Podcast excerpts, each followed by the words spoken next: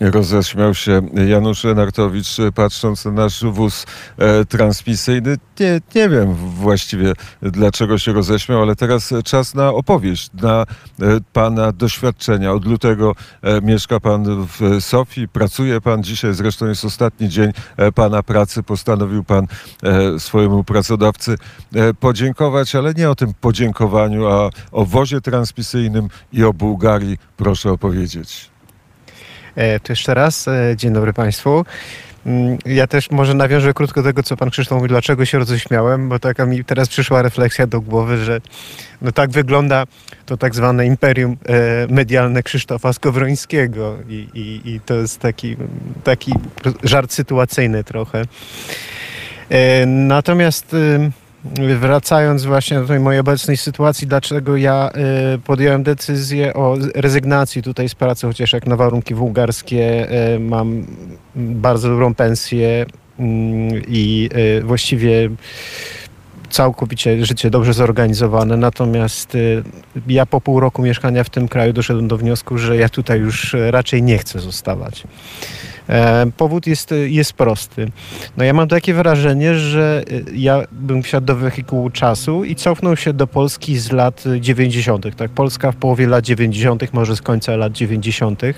I nie jest to moje y, osobiste przekonanie, ale mam, rozmawiałem tutaj z Polakami mieszkającymi w Bułgarii którzy też tutaj przyjechali z różnych powodów i oni mają podobne wrażenie. Podobne wrażenie. Yy, no Bułgaria jest w, od 2007 roku w Unii Europejskiej, a na moje rozeznanie praktycznie tego tutaj nie widać. Dziurawe ulice, yy, bieda, duże różnice społeczne. Yy, Bułgarzy się w większości ubierają w second handach, jeżdżą używanymi yy, starymi samochodami ściąganymi z Europy Zachodniej, jeżdżą starymi zdezelowanymi pociągami po kraju, które właściwie komunikacja jest fatalna, skostniała yy, biurokracja rozrośnięta. E, No i tak jak y, tutaj y, słyszę, korupcja, że to prawdopodobnie wynika z korupcji. Też jedna rzecz, która też mi się narzuciła, no to po prostu wszechobecne salony gry i, i właściwie są na każdej ulicy i wszędzie i nawet na stacjach metra są takie automaty, gdzie można, gdzie można zagrać. Także E, No, takie ogólne wrażenie. I, i- a jeszcze jedna rzecz, po prostu pierwsza rzecz, która w ogóle mnie zszokowała i do której się nie mogę przyzwyczaić, to jest po prostu widok ludzi grzebiących w śmietnikach. To jest, to jest, to jest bardzo przykry widok, bo nie są to tylko ludzie, powiedzmy, no, którzy nie wiem, być może są od czegoś uzależnieni, potrzebują jakoś zarobić na swój nauk, ale są to też tacy po prostu zwykli ludzie, którym prawdopodobnie nie starcza do pierwszego, a już e, nie wspomnę, że sytuacja e, ludności e, romskiej jest w ogóle tragiczna. Jak się patrzy na tą biedę, to naprawdę tutaj nawet idąc tutaj do hotelu, do tutaj naszego studia, e, przeszedłem e, przez taką ulicę, gdzie, gdzie było kilka właśnie takich klasycznych slumsów. E, No i pamiętam, rozmawiałem, z, jak tutaj przyjechałem w pierwszym tygodniu z taką Polką, która tutaj mieszka od 30 lat, jak jej powiedziałem, że ja przeprowadziłem się z Irlandii, bo moja firma tutaj się przeniosła częściowo i ja z firmą się przeniosłem. To ona się spytała, a po co ty przyjechałeś do trzeciego świata? No to jest no, takie pierwsze wrażenia.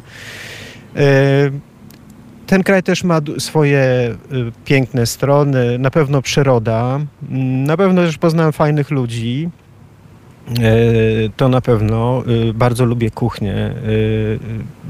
Y, Bardzo też ciekawy kraj i kultura i tak muszę powiedzieć, że trochę nieodkryty, bo y, y, myślę, że Bułgaria na pewno mogłaby y, dużo lepiej funkcjonować, gdyby na przykład wykorzystywała swoje walory turystyczne, co mnie też dziwi i, i też wielu nas tutaj Polaków mieszkających też się dziwi, że e, o wielu miejscach e, po prostu nie wiadomo, albo czasami nie wiadomo jak się tam dostać, albo jak są nieopisane, że, że trzeba, no ale to też jest taki urok, że można coś na przykład odkryć na, na własną rękę, nie wiem, jakieś jaskinie, jakieś wodospady, których po prostu nie ma w przewodnikach. O, to może tak pokrótce.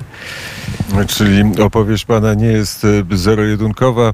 Z jednej strony Sofia, e, bieda, dziurawe ulice, e, biurokracja, pan Bojan, e, malarz, którego spotkała Hanna e, Tracz, bardzo krótko scharakteryzował Bułgarię, skorumpowany grajdół postkomunistyczny, w którym bardzo niewiele dobrych rzeczy się dzieje i że nie ma żadnej nadziei, chociaż wybory w Bułgarii są pojutrze, na to, że cokolwiek się poprawi. Y, ja podzielam tą opinię i to też jest właśnie jeden e, z tych powodów, bo też to, że nie ma nadziei, e, ta opinia tego pana malarza nie jest odosobniona. I to się też wyczuwa w tym społeczeństwie, że to e, społeczeństwo jest właśnie przytłoczone tą sytuacją.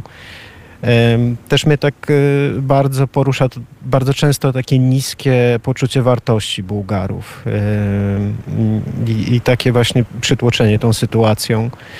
E, ja mam takie właśnie wrażenie, jakby ten kraj utknął gdzieś, no, nazwijmy to w pułapce średniego rozwoju, ale to średni rozwój to ja tutaj widzę po prostu utknęli w biedzie, bo, bo tak jak się widzi, ja mam takie wrażenie, podróżowałem po tym kraju wszerz i, wszerz i wzdłuż. Też taką sobie prywatną zrobiłem podróż Radia Wnet e, i, i po prostu Y, bieda jest y, w wielu miejscach przerażająca, a z drugiej strony zastanawia mnie, że w ogóle są niewykorzystywane zasoby. I to też moja mama zauważyła, która mnie odwiedziła tutaj, że na przykład pola, które są po prostu ugorami, których nikt nie uprawia, zalastają krzakami, jakieś zrujnowane fabryki. No, trzeba przyznać, że w porównaniu z Polską, no to y, y, Bułgaria z komunizmu wyszła w dużo lepszym stanie, miała dużo lepszą gospodarkę od nas.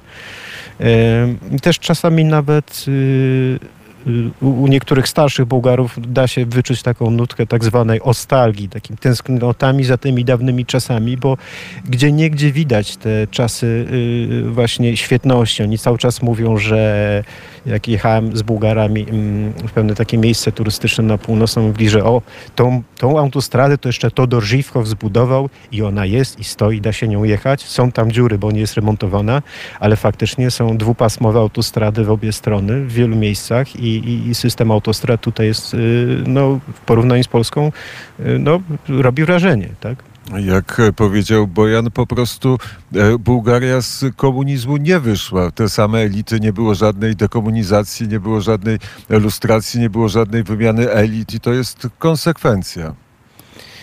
E, no też mam takie wrażenie, ale też powiedzmy, e, no, nazwijmy to z poziomu zwykłego użytkownika, e, że ja mam wrażenie, jakbym wrócił po prostu do, do takiej Polski, z, ja jeszcze pamiętam Polskę z okresu transformacji, jak wychodziliśmy z tych starych systemów i, i po prostu sposób myślenia jest, ten, ten, ten komunizm jeszcze siedzi w ludziach i on jeszcze jest, mam wrażenie, trochę transferowany do tego młodego pokolenia, ale jeżeli się popatrzy też na, na sytuację polityczną. No teraz na przykład była partia, znaczy koalicja tego Kiryła Petkowa i on próbował zrobić, zdaje się, coś takiego, co nam się częściowo udało, czyli ograniczyć korupcję i, i postawić na, na jakiś tam rozwój, na zrobienie porządku w systemie. No, teraz ta koalicja upada i prawdopodobnie wygra teraz następne wybory partia Bojko Borisowa, który no, w 1982 roku zaczął e, karierę w bułgarskim MSW. No, to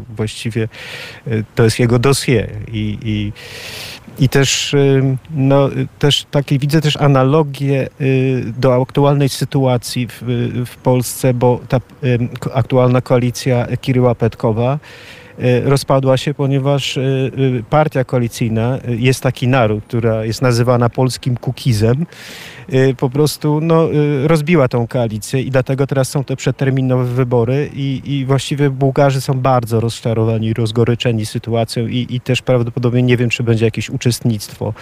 I to też im tak, y, też kilku moich znajomych właśnie jest rozczarowanych sytuacją, rozgoryczonych, że, że była jakaś próba naprawy, była jakaś próba reform i to upadło.